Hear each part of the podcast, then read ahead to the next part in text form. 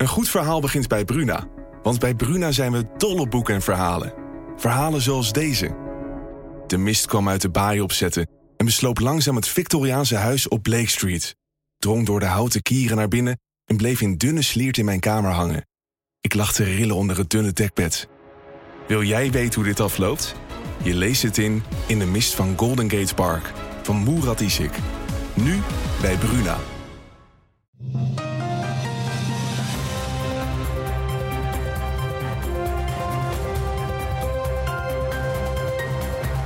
Dit is een podcast van de Telegraaf.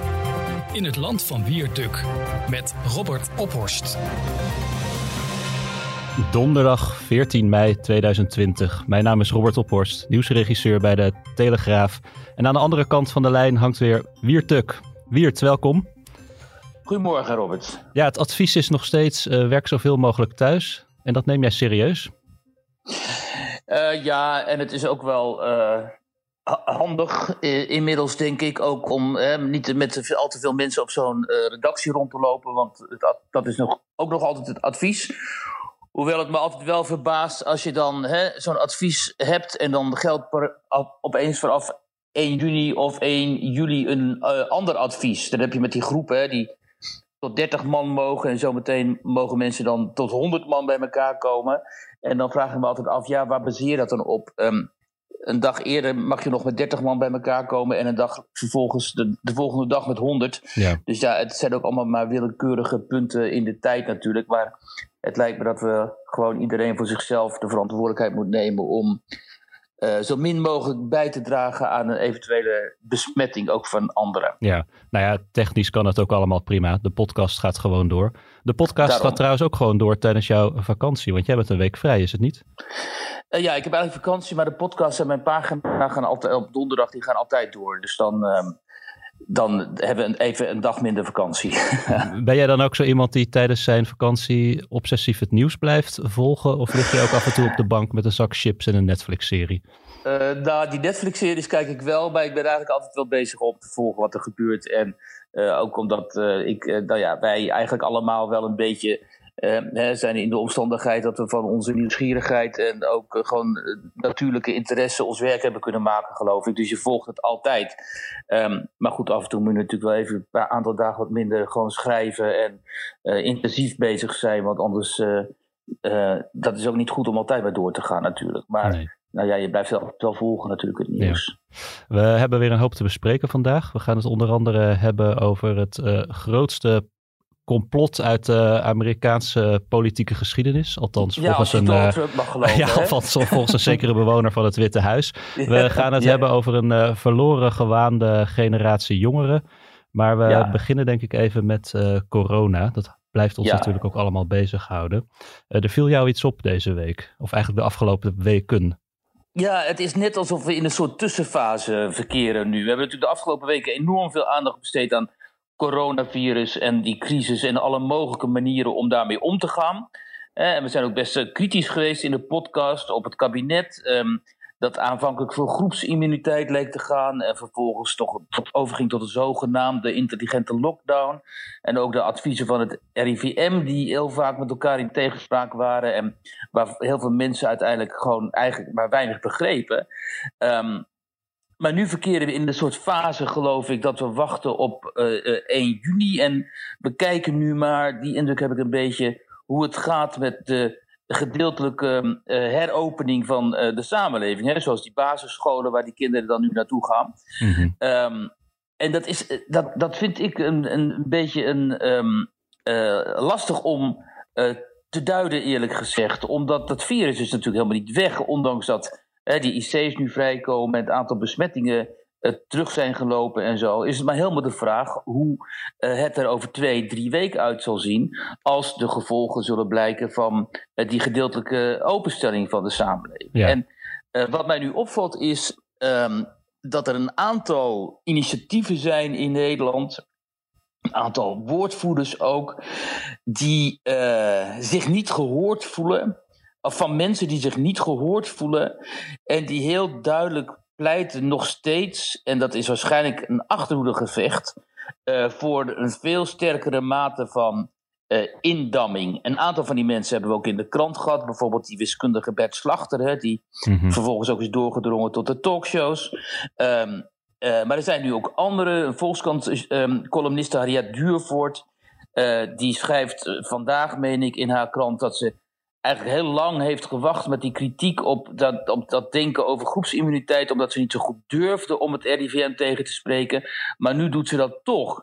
Um, zij zit geloof ik ook in een kwetsbare positie omdat ze een gehandicapt kind heeft. Dus dan, mhm. dan spreek je altijd uit een wat, um, andere uh, standpunt. Wat zegt zij dan? Um, nou, zij pleit dus ook al een tijdje op Twitter en social media voor een veel grotere mate van uh, indamming. Hè, dat moet ik even uitleggen. Je hebt eigenlijk twee manieren van aanpak van zo'n uh, virusverspreiding. je kunt of denken: oké, we gaan voor een geleidelijke groepsimmuniteit. Dus we, we, beperken wel het aantal contacten dat de burgers hebben, zodat niet opeens enorme aantallen burgers besmet raken. Dus we zorgen ervoor dat het virus zich geleidelijk verspreidt onder de bevolking.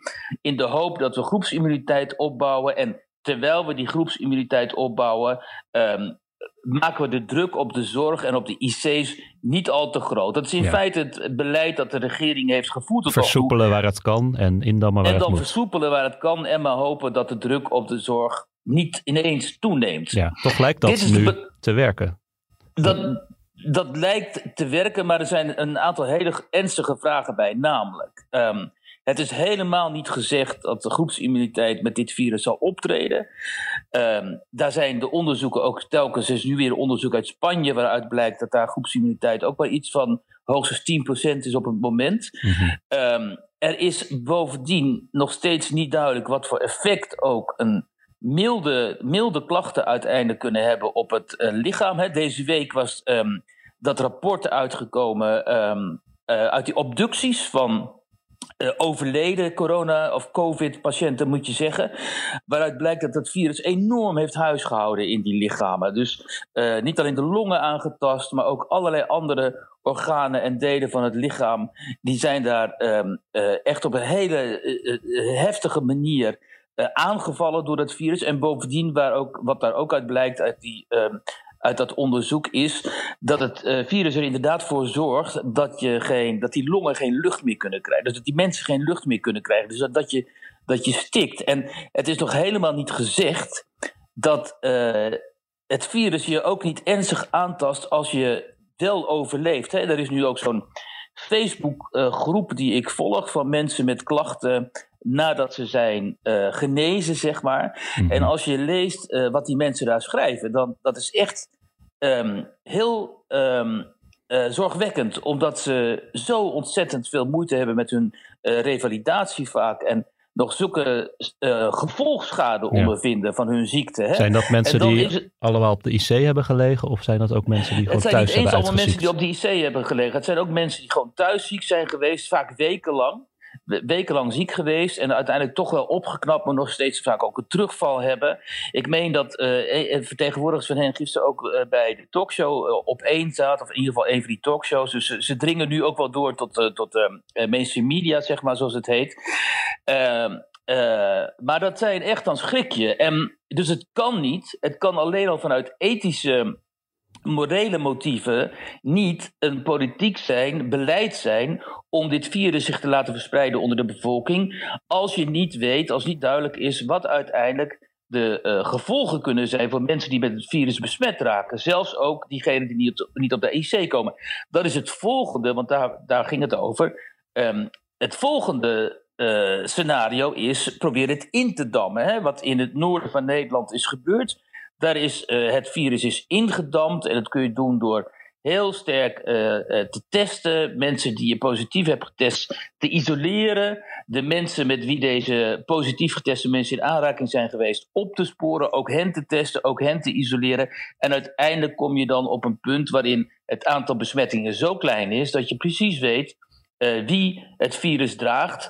En uh, die mensen kun je dan gaan behandelen. Ja. Dat heet containment. En die kwestie van containment is eigenlijk in het Nederlandse debat uh, niet echt, althans ook niet in de politiek, niet echt uh, behandeld. Behalve aan het begin van deze crisis, toen in de Tweede Kamer, uh, Thierry Baudet van Forum voor Democratie, die zich kennelijk had vastge, vastgebeten in dit dossier, daarvoor pleiten. En een van de argumenten van ons om te pleiten voor nu een lockdown is omdat we daarmee tijd kopen. Dus we kopen tijd om de capaciteit van intensive care uit te breiden, om testcapaciteit uh, op te bouwen, om uh, allerlei andere zaken te doen, zoals ook het geografisch meer controleren van waar het is. Dat was ook de juiste aanpak geweest. Dat is ook door uh, bij ons in de krant door virologen als Alex Friedrich uit Groningen gezegd. Hè?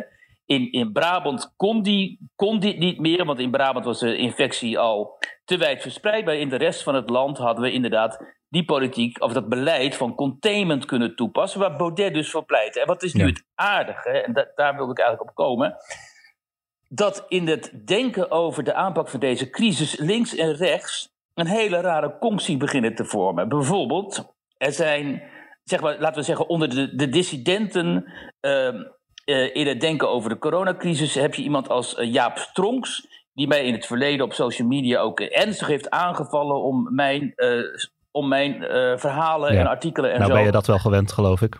Dat, dat, ben ik wel gewend. En die jongen die heeft te maken met die politieke partij bijeen. Maar mm -hmm. in ieder geval Stronks die heeft zich ook helemaal ingegraven in dit dossier.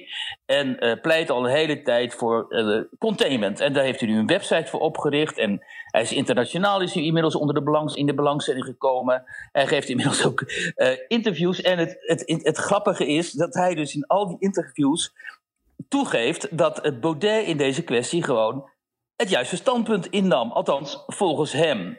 Um, maar dan moet hij er wel al in de disclaimer bij zetten van ja, maar ik vind Baudet wel een fascist. Maar in dit geval heeft hij gelijk. En zo zie je dus hoe, um, hoe die, de, deze zaak um, mensen uit, uit, hele verschillende politieke werelden bij elkaar brengt. Bijvoorbeeld iemand als Ewald Engelen. Um, die gelooft um, ook niet zo in die lockdown. En die staat dan dus uiteindelijk uh, op het standpunt van. Hetzelfde standpunt eigenlijk als iemand als Jort Kelder. Die vanuit zeg maar, de ondernemerspositie ervoor pleit om die samenleving open te gooien. Dus deze crisis kweekt hele interessante uh, concties. En ook, brengt ook hele interessante dissidenten voor. Want ik moet er nog eentje noemen, hè, Maurice de Hond. Die heeft zich ook helemaal vastgebeten in dit dossier. En op zijn website kun je ook allerlei best interessante blogs van hem lezen. Hij heeft ook een interessante mening hierover. Hij beweert namelijk dat uh, het aantal besmettingen vooral afneemt omdat we al heel snel hebben besloten, in allerlei landen ook, dat uh, grote bijeenkomsten die kunnen fungeren als clusters van besmettingen, dat we die niet meer accepteren. En daardoor, zegt hij, is zowel in Nederland als in Duitsland, als, maar ook in Zweden, dat het eigenlijk totaal andere politiek voert dan Nederland, maar wel die grote bijeenkomsten heeft verboden. Daardoor zien we die besmettingen uh, afnemen. Nou, dat is een heel respectabel standpunt. Heeft er ook onderzoek, uh, he, heeft trekt hij erbij, sociaal ge geograaf, dus hij weet echt wel iets van, van uh, groepsvorming en dat soort zaken en zo. Um, maar hij wordt ook weggehoond door de meeste mensen, omdat toch, en dat is dan het laatste wat ik over wil zeggen, in een tijd van crisis stelt iedereen zich graag op achter de leiding, kennelijk. En dan vergeten ook vaak opiniemakers en journalisten dat we kritisch moeten blijven en dat we ook de kritische geluiden. Ook al vinden wij die af en toe niet prettig, ook al is het iemand als een Jaap Stronks, die ook uh, hè, die nogal, uh, er nogal van is om uh, zijn politieke tegenstanders eh, uit te schelden, toch moeten we kijken wat die inhoudelijk nou precies te melden hebben, omdat er best wel wat interessants tussen kan zitten. Ook bij Maurice de Hond, die op andere dossiers aantoonbaar natuurlijk heeft gefaald. Maar in dit geval heeft hij gewoon wel een uh, interessant verhaal, vind ik. Uh, en we komen alleen maar verder, en dat zijn ook de woorden van Alex Friedrich, de arts-microbioloog uit Groningen, die het noorden heeft behoed voor grote aantallen patiënten. Die zegt: je moet altijd je eigen tegenspraak organiseren. Alleen, als je, hè, alleen dan kom je ook als wetenschapper verder. En dat zou ook een adagium moeten zijn voor journalisten, vind ik. En als we het over Obamagate gaan hebben, komen we daar nog weer op terug. Ja, jij zegt um, die mensen voelen zich niet gehoord. Uh, vind je dat ze daar gelijk in hebben? Is er te weinig aandacht voor uh, kritiek op het uh, huidige beleid? Ik vind het wel. Kijk, wat ik heel vreemd vind. Maar dat heb ik hier al vanaf het begin gezegd. Dat is dat de aanpak. Um, zo aantoonbaar ernstige gevolgen heeft gehad. En dat daar pas zo laat kritiek op kwam. Ehm, ik mhm. zag nu een stuk op uh, Al Jazeera, hè, die, die uh, Engelstalige uh, Arabische nieuwszender. Die hebben een stuk over de tragedie in de Nederlandse verpleeghuizen. Wat erop neerkomt dat in de Nederlandse verpleeghuizen zowel mensen niet beschermd woonden als niet beschermd werkten, waardoor heel veel uh, bewoners, maar ook zorgpersoneel, besmet zijn geraakt, elkaar hebben besmet en uh, er een enorme sterfte is geweest uh, en misschien nog wel plaatsvindt in die inrichtingen. En natuurlijk is Al Jazeera daar kritisch op en ze zeggen ook, en dat vind ik ook een sterk punt, dat in Nederland het gewoonte is dat artsen hoogbejaarde mensen die nog ziek weer ziek worden, hè, afraden om uh, naar de IC te gaan, naar de intensive care. Omdat ze zeggen, joh, dat brengt alleen maar meer ellende met zich mee. Blijf gewoon thuis. Accepteer dat je einde eraan komt. Ga met je familie, hè, ga, ga, trek je terug met je familie en heb een uh, rustig levenseinde. En dat is op zichzelf een heel respectabel standpunt, omdat je Um, als je hoogbejaarde mensen gaat behandelen op de IC, dat heeft vaak helemaal geen enkele zin. Dan rek je die levens nog een paar maanden of zo. En dan is het toch gebeurd. Alleen in dit geval is het wel een probleem, omdat dit ook werd gezegd tegen bejaarde mensen die vervolgens alleen kwamen te sterven, omdat die families er helemaal niet bij. Ja. Dus je kunt het wel vinden als arts ga niet naar het ziekenhuis, want je komt toch te overlijden. Maar dan moet je wel tegelijkertijd ook. He, dan moeten andere verplegers ervoor zorgen. dat die mensen in een omgeving komen. waar ze afscheid kunnen nemen van hun familie en van hun verwanten. En dat kon immers helemaal niet. Waarom niet? Omdat die verpleeghuizen. Uh, de zaken niet voor elkaar hadden qua bescherming, uh, beschermende kleding en test. En gebleken uit onderzoek is ook dat ze helemaal niet mochten testen. Hè. Er waren wel aanvragen voor testen, maar die laboratoria die zeiden: ja, nee, we hebben helemaal geen, hè, daar hebben we de autoriteit niet voor, of we hebben de capaciteit. Ja, ze hadden de capaciteit wel, maar ze hadden dus de autoriteit niet. Nou, dat is natuurlijk een enorme beleidsblunder. Hè. Dat, dat heeft echt mensenlevens gekost. En dat begrijp ik dus niet dat in die weken dat dit allemaal gebeurde waarin er A. volstrekte onduidelijkheid was over het regeringsbeleid. Willen we nu naar groepsimmuniteit of niet? En wat is dan die intelligente lockdown? En B. Hoe kan het dat er geen tests op voorraad zijn? Hoe kan het dat er geen beschermende kleding is? Hoe kan het ook dat die beschermende kleding eigenlijk gewoon niet, niet uh, als wordt voorgeschreven, als verplicht wordt gesteld, dat in zo'n chaos, want het was gewoon chaos, dat dan zoveel mensen zeggen: joh, het is allemaal top. Het gaat hartstikke goed met, uh, met dit beleid. En, maar ook in de media dus. En kijk, en mensen als die, die, Strongs en ook Harriet Duurvoort en zo. Ja, die zagen dat natuurlijk ook. En, die, en Bert Slachter, die heeft daar herhaaldelijk op gewezen ook. Die zagen dit natuurlijk ook. En die wreven zich ook de ogen uit. En die dachten, leven wij in een parallele werkelijkheid of zo? En dat heb ik ook gedacht. Uh, goed, en nu is het allemaal enigszins tot rust gekomen. Die kritiek is ook wel uh, her en der geformuleerd. Hè. Je zag het mhm. uiteindelijk toch ook wel uh, aan, aan, aan de, de, talk, de, de, hoe heet het, de, de talkshows en zo, de praattafels, zeg maar. Maar niet, maar niet op een hele serieuze manier om op jouw vraag terug te komen. Ook omdat ik merk dat als je dan naar die talkshows kijkt, uh, dat daar toch ook wel gewoon bij de meeste presentatoren ja, de, kennis en de nieuwsgierigheid er niet is om door te vragen en kritisch te zijn. Ja, zijn toch een beetje entertainment uh, uurtjes op de late avond. Terwijl ik graag zou zien dat daar eens iemand echt aan de tand werd gevoeld en werd gezegd: joh, in internationaal perspectief doen wij het gewoon hartstikke slecht. Hoe kan dat nou? Ja, maar die vraag die hoor je te weinig. Ja, ja. Toch kan je voorzien dat de politieke afrekening uh, nog wel gaat komen. Nou, hier gaat natuurlijk een enquête over komen, of in ieder geval parlementair onderzoek. Het kan niet anders, maar dan zouden wel de andere partijen, die zouden hun cordon sanitair eh, rond uh, vragen van de PVV in het Forum voor Democratie is moeten opgeven.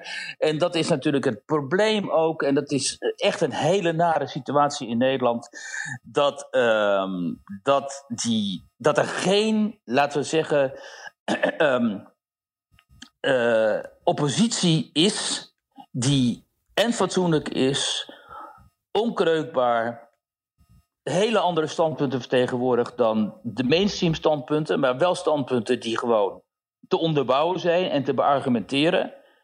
Een beetje wat ik hier in die in podcast vaak probeer. Uh, en die geaccepteerd is ook vanwege onkreukbaarheid en fatsoen. En het kan. En dus ook gehoord wordt. En als zo'n oppositie. Ja.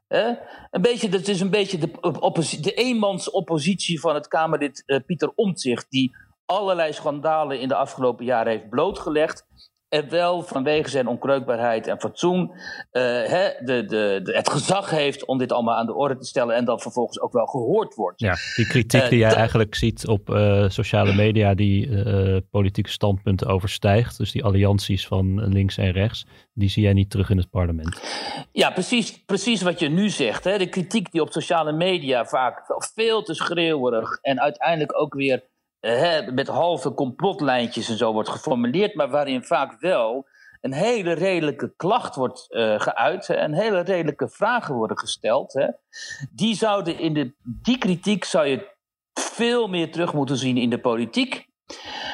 En die zou daarin een rol moeten spelen. En um, dat is ook wel weer interessant aan, om nogmaals maar die uh, naam te noemen van Jaap Stronks. Die vindt dus dat zijn natuurlijke bondgenoten, en dat zijn de linkse partijen, uh, en vooral GroenLinks, vindt hij, die hebben hierin ook gefaald. En als de politiek het op die manier laat afweten, uh, dat is natuurlijk niet goed, want dan geef je mhm. gewoon vrij spel aan, uh, aan de politici en aan het beleid, dat misschien wel eens gewoon aantoonbaar aangevallen kan worden en in ieder geval kritisch moet worden ondervraagd. Ja. Nou, en dat is um, onvoldoende onvoldoende gebeurd. En ook, mijns inziens, is dat in, in de media onvoldoende gebeurd. Uh, Wiert, jij bent van huis uit historicus, toch? Ik ben, ja, historicus, ja. Dat, dat konden we ook wel een beetje zien aan jouw pagina van deze week. Want jij bent uh, teruggegaan naar de jaren tachtig.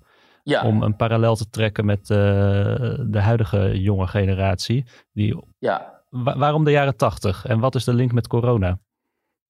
Nou ja, de jaren tachtig heb ik zelf uh, bewust meegemaakt. Toen ben ik. Uh, dus dat, dat zijn de jaren waarin ik uh, afstudeerde. En, um, ja, want jij bent van 59, toch? Ja, nou ja, eigenlijk 60. Dus ja, maar van 1959. Ja, ja, ja, ja, En dus in die jaren was ik jong volwassene, zeg maar. En um, ik heb. En heel veel mensen vergeten dat. De, de begin jaren 80 um, was de crisis enorm. Ja. De jeugdwerkloosheid was, was iets rond de 25 procent. Uh, inflatie, uh, doemdenken. Woningnood, een, uh, een, een, nucleaire oorlog die continu dreigde. Precies, die, die dreiging uh, met het Oostblok, die, die dreiging van de bom en zo. Dus er heerste ook daadwerkelijk een soort van doemdenken, wat jonge mensen ertoe bracht om, uh, om, om, om te denken, ja, ik krijg toch nog nooit een baan. Dat dacht ik ook, want nou ja, ik wil wel de journalistiek in, maar waar liggen die banen in vredesnaam? Die zijn er mhm. helemaal niet. Uh, en als historicus kun je, kom je al helemaal niet aan de bak. Dus wat deden wij? Um, eigenlijk trokken we ons helemaal terug in een soort van eigen uh, omgeving en we begonnen uh, eigen blaadjes uit te geven. Um, nou ja, we maakten sowieso muziek. Dus muziek in eigen beheer uit te brengen en zo. Dus wat je zag is dat jongeren het heft in eigen handen namen. En toen uiteindelijk die economie weer aantrok, uh, kwamen zij dus ook, en ik ook, uiteindelijk gewoon weer snel aan de bak. En uh, kreeg je banen. En interessant is, leek mij de vraag om eens te kijken, de jongeren van nu, de corona-jongeren, um, komen die nou in een soort gelijke positie terecht? En dreigt voor hen ook massawerkloosheid en zullen zij ook hun eigen eh, boontjes moeten gaan doppen. Um, nou, daar heb ik voor mijn pagina op donderdag een aantal mensen uit die tijd, die die tijd hebben meegemaakt, uh, voor ondervraagd. Um, ja, en wat die zeggen, heel interessant is eigenlijk um, de econoom Lex Hoogduin, die is hoogleraar parttime in Groningen. Die werkte vroeger bij de Nederlandse Bank, die heeft ook Wim Duisenberg geadviseerd door, bij de Europese Centrale Bank. Dus Lex is een gerespecteerd econoom en die zegt, joh, mijn studenten van tegenwoordig die zijn zoveel ondernemender en uh, creatiever dan ik destijds was. Dus over, over hen maak ik mij geen zorgen. En ik denk ook wel dat dat zo is. Dat de hoogopgeleide jongeren die misschien nu even in de rat zitten omdat ze niet meer veel kunnen reizen en omdat ze niet meer via het Erasmus-programma elders kunnen studeren en, hè, en, al die studentenuitwisselingen kunnen deelnemen. Uh, dat is inderdaad heel deprimerend voor hun, maar uiteindelijk zullen ze wel aan de bak komen. Maar misschien zijn het inderdaad vooral de lager opgeleide uh, jongeren uh, die natuurlijk in de problemen zullen komen. Want als er allerlei bedrijven failliet gaan en alle, allerlei banen vallen weg, um, ja, wat, wat moeten zij dan? Ja. en als, als zoiets een aantal jaren duurt, zo'n crisis. Mm -hmm. Dan kun je inderdaad na de jaren vijf, zes uh, wel spreken van een, dat een deel van die generatie misschien nooit meer aan de bak ja. zal komen. En dat is wel iets, denk ik, het is eigenlijk het, misschien is dat nog wel de meest zorgwekkende vraag van dit moment. Hoe zal het die jongeren ooit op de, later op de arbeidsmarkt vergaan? En daar is op dit moment nog niks over te zeggen, nee. omdat we niet precies weten wat de economische gevolgen Nee. zullen zijn. Maar dat ze ingrijpend zullen zijn, dat, ja, dat, Dat- dat, dat, staat natuurlijk wel vast ja. inmiddels. Maar hoe lang en eh, hoe lang de crisis Precies. zal duren en hoe diep die zal zijn, daar zijn de economen en de experts nog niet over eens. Maar het advies en de kop boven, de, boven jouw stuk was ook wees avontuurlijk. Dat lijkt me sowieso een, eh, een goed motto Ja, ik denk dat iedereen. dat niet anders kan. Ik denk dat heel veel jongeren nu zullen moeten denken van... eh, je moet proberen om inderdaad creatief te zijn. Ja. En ehm, misschien wel ook een soort businessmodel te maken van, van die crisis... door iets met mondkapjes te beginnen of... hè, de- nou ja, dat soort zaken allemaal. Je kunt natuurlijk voor alles bedenken. Ja. Dus eh, hopelijk, ehm, en het zal ook wel gebeuren... maar hopelijk zul je daar veel initiatieven zien. Eh, tot slot iets heel anders, maar iemand die ook wel creatief is, Donald Trump. Ehm, daar wilde jij het, want wij appen altijd voor de uitzending even waar we het over willen hebben. En jij noemde Obamagate. Eh volgens Ja. Trump, eh, dat zeiden we ook al even in het begin, het grootste politieke complot uit de Amerikaanse geschiedenis. Watergate zou erbij eh, verbleken. Leg even heel kort uit Ja. voor de luisteraars, wat is Obamagate nou? Want ik denk dat het, ik vind het zelf ook een beetje verwarrend af en toe. Ja, nou ja, het is dus zo dat ehm, eh, de, de Democraten, dus de tegenstanders van Trump, geholpen door eigenlijk bijna alle media in eh, de Verenigde Staten, althans alle min of meer liberale media, behalve Fox News en, en eh, nog enkele andere. Die eh, hebben eigenlijk vanaf begin in 2016 geprobeerd om te bewijzen dat, aan te tonen dat Donald Trump een asset zou zijn van eh, Vladimir Poetin. Dat Ja. Donald Trump eigenlijk in de zak zit van de Russen, van het Kremlin. Omdat in, in Amerika is de Rusland natuurlijk nog altijd hè, vanuit de Koude Oorlog gedachte de grote vijand. En eh, Poetin is dat, eh, is dat helemaal tot in grote hoogte Ja. gestegen, wat dat, tot op grote hoogte gestegen wat dat betreft. En ehm, zij hebben dit gedaan door ehm, eh, middels het zogenaamde Steele-dossier. Die Christopher Steele is een voormalige Britse spion. Ehm, die kwam met een dossier met allerlei fake verhalen, bleek achteraf. Eh, onder andere, weet je, je weet nog wel het verhaal dat eh, Donald, eh, Donald Trump aan plasseks zou hebben gedaan in een Russisch hotel en zo, dat soort dingen. Ehm, eh, die Christopher Steele die had dus een dossier gemaakt waarmee Trump zou worden beschuldigd. En een van de belangrijkste slachtoffers in die hele campagne eigenlijk is eh, ehm, Michael Flynn. Ja, de voormalige Flynn- veiligheidsadviseur. Precies, dat was de voormalige veiligheidsadviseur van eh, Trump. Maar die had ook al onder Obama gewerkt. En hij was het met delen van het, beleid van Obama, bijvoorbeeld zijn eh, Iran-beleid, niet eens. En daarom eh, trad hij in de zomer van 2014 en nam hij ontslag. En vervolgens werd hij in 2016 de National Security Advisor, dus Nationaal Veiligheidsadviseur van, van Donald Trump. En die, die Flynn, die is eigenlijk inge, ingeluisterd, kun je zeggen, door de FBI. Die eh, had een eh, telefoongesprek gevoerd met de Russische ambassadeur Kiseljak, de Russische ambassadeur in Washington. Eh, en dat zou allemaal verschrikkelijk zijn geweest. Ehm, Ja, want Rusland die- stond eh, op dat moment op een zwarte lijst. Of althans, je kunt je inderdaad afvragen waarom. Want hè, het is toch di- di- diploma- diplomatie als je eh, eens rond gaat bellen voordat je dus ehm, eh, in, in de positie van veiligheidsadviseur komt. Om eens te gaan kijken hoe, wat de Russen over bepaalde dingen denken. Of de Chinezen of, of de Nederlanders, bij wijze van spreken. Of in ieder geval Brussel. Maar goed, dat werd hem dus ernstig eh, kwalijk genomen. Ehm, eh, en hij zou ook een affaire hebben gehad met de Russin. Nou, dat, dat klopte helemaal niet. Maar in ieder geval, ehm, dit is nu allemaal aan het naar buiten komen en eh, duidelijk geworden. Dus wat ehm, die hele er is dus de afgelopen jaren geprobeerd om aan te tonen hè, dat uh, Trump gecolludeerd zou hebben. Dat is de collusion, dus zou samengewerkt hebben met Rusland. Dus intensief onderzoek naar gedaan. En het bleek, het klopt niet. En nu uh, blijkt dat, uh, met die kwestie met, met, met, met Flynn, dat hij er is ingeluisterd door de FBI, waarschijnlijk met medeweten van uh, topfiguren uit de regering, uit, althans uit de administration, zoals het heet, van uh, Barack Obama. En nu gaat Trump natuurlijk vol op het orgel. Hè? Die zegt Obamagate, uh, het is erger dan Watergate. En dat doet hij natuurlijk ook omdat zijn aanpak van de coronacrisis zo onder vuur ligt. Maar wat mij vooral interesseert is, kijk, uh, politiek in de Verenigde Staten en elders ook, maar in de Verenigde Staten natuurlijk in extreem is, is altijd een vuil spel. En je kunt ook niet denken, wat heel veel Nederlanders waarschijnlijk wel denken, maar wat niet zo is, dat mensen als Obama of de Clintons en zo, omdat ze nu eenmaal een soort politiek voorstaan die in Europa hè, beter begrepen wordt, zeg maar, dat die geen vuil spel zouden spelen. Natuurlijk, die spelen, mensen spelen allemaal vuil spel. Dus het zou helemaal niet verbazend zijn als wat Trump hier uh, beweert en wat ook uh, sommige andere analisten inmiddels beweren. Steeds meer trouwens, ook analisten die tot de gewone pers, de mainstream media behoren, uh, dat, hij, dat er geprobeerd is om hem erin te luisteren. Maar wat mij zo fascineert is dat de media uh, in de Verenigde Staten partij zijn geworden. Dat de media, echt het allergrootste deel van de media, vooral CNN en de New York Times, ja. dat die helemaal zijn meegegaan in dat frame van die uh, Russische collusion. Uh, en uh, dat Trump in de zak zou zitten van Vladimir Poetin. En van de, van de weeromstuit zijn de meeste Nederlandse media er ook in meegegaan. En ik weet precies hoe dat werkt. Ik ben lang correspondent geweest in Rusland. in de tijd dat Boris Yeltsin de hoop van het Westen was.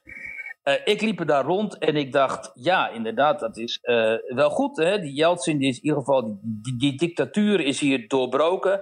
Maar ondertussen is het hier een enorme puinhoop aan het worden omdat uh, dit land in chaos is gestort, ook vanwege alle zogenaamde hervormingen die door het IMF en de World Bank uh, en vervolgens door Boris Yeltsin zijn geïnitieerd. Dat is misschien een beetje een ingewikkeld uh, verhaal, maar ik zag dus dat die pogingen om van Rusland een, een, zeg maar een kapitalistisch land te maken onder druk van internationale instituties enorme gevolgen hadden voor de gewone man. Die ging er helemaal onderdoor. Rusland was uh, totaal verpauperd.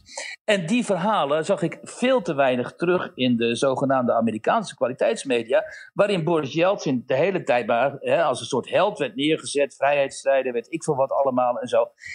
En toen, uh, de Economist, dat was ook typisch zo'n blad hè, van de liberale westerlingen die Yeltsin dan uh, in bescherming nam.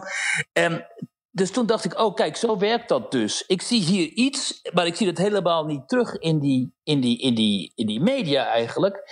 Uh, die waren destijds dus ook partij. En nu zie ik dat dus uh, terug uh, in de Verenigde Staten zelf. Hè, dat die media partij kiezen voor mm-hmm. Obama en Clinton en Democraten. En dan vind ik, dan moet je dus in, het, in, het, in, in Europa, Europese media, moeten dat natuurlijk niet doen. Maar die laten zich heel erg beïnvloeden door de status van die Amerikaanse zogenaamde kwaliteitsmedia of Anglo-Saxische kwaliteitsmedia. Dus gaan vaak helemaal mee in dat frame. En dan is het ontzettend moeilijk om door dat frame heen te breken. Dan moet je maar blijven beuken en beuken en beuken. Wij hebben bij de, bij de krant iemand die dat doet, hè, Leon de Winter en de andere columnist Afshin Elian, die doet het ook. Die willen die andere kant van dat verhaal laten zien. Ja. Um, en, en tot in detail laten zien. En dat is ontzettend interessant, omdat het een totaal ander verhaal is dan wat bijvoorbeeld bij jou wordt, bij de talkshows wordt um, verteld, of in eh, bepaalde Nederlandse kwaliteitsmedia, zoals die heten, wordt verteld. En je kunt je inderdaad afvragen, vragen, is dit altijd zo geweest? Hè? Is het altijd zo geweest dat delen van de werkelijkheid zo enorm contrasteerden met de manier waarop daar in de media over werd bericht? Nou ja, dat is een onderzoek uh, waard, lijkt mij. Um, ja, Leon uh, de Winter is... die, uh, heeft er ook een lange column over geschreven deze week. En die zegt, ja, precies, Leon die sluit af met de... de dirty tricks van Obama's FBI zullen binnenkort worden onthuld. Riemen vast. Dus hij heeft wel de hoop nog dat we daar wel door dat frame heen kunnen prikken. En daarvoor zegt hij dus: um, de media gaan hierover niet evenwichtig berichten. Ja. Um, dus ga ik het doen. Maar het is natuurlijk niet de taak van een columnist om aan uh, om, om berichtgeving te corrigeren. Mag wel, maar het is natuurlijk niet in, in principe principe de taak. Maar als inderdaad, um, de, wat ik eerder zei, uh, het zo moeilijk is om door een bepaald frame heen te breken. En het geldt voor allerlei dossiers natuurlijk. Hè, ook dossiers waarop ik zelf meer verstand van zaken heb dan uh, over de Verenigde Staten. Uh, alle dossiers waar ik zelf goed in zit, zie ik ook hoe vaak mensen elkaar napraten. Ja hoe het mensen toch vaak ontbreekt aan fundamentele kennis over een kwestie en zo. Ja, dat is iets wat wij als journalisten onszelf allemaal moeten afvragen. Uh, Doen we het wel goed? Dat is wel een mooie afsluiter. doen we het wel goed genoeg?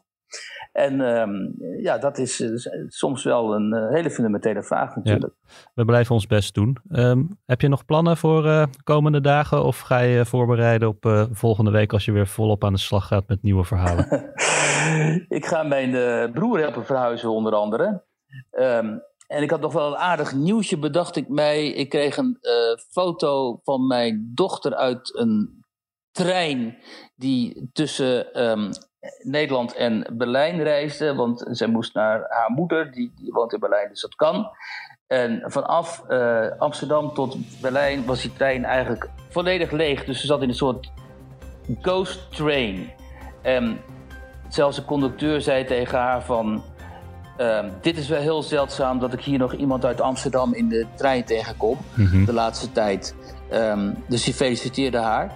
en dan dringt pas goed tot je door, hè, als je zo'n foto of zo'n filmpje ziet, uh, hoe vreemd en niet normaal uh, deze coronasamenleving uh, eigenlijk is. Hè? Dat die treinen eigenlijk gewoon kennelijk leeg, of voor een groot deel leeg ja. op en neer reizen tussen die, tussen die steden en tussen die, die landen. En dat ze nu ook officieel twee weken in quarantaine moet gaan, omdat als je uit Nederland in Duitsland komt, dan, dan moet dat. Dus ja. dan moet je je twee weken isoleren. Dus het zijn de rare tijden. Ja, dat zijn het zeker. Wiert, hartstikke bedankt. Uh, alle luisteraars ook weer bedankt. En graag tot volgende week. Dankjewel. Dankjewel. Interesse in meer podcasts? Luister dan naar Afhameren met Wouter de Winter. Een wekelijkse podcast met het laatste nieuws uit Den Haag. Scherpe analyses, opmerkelijke fragmenten en een blik achter de schermen.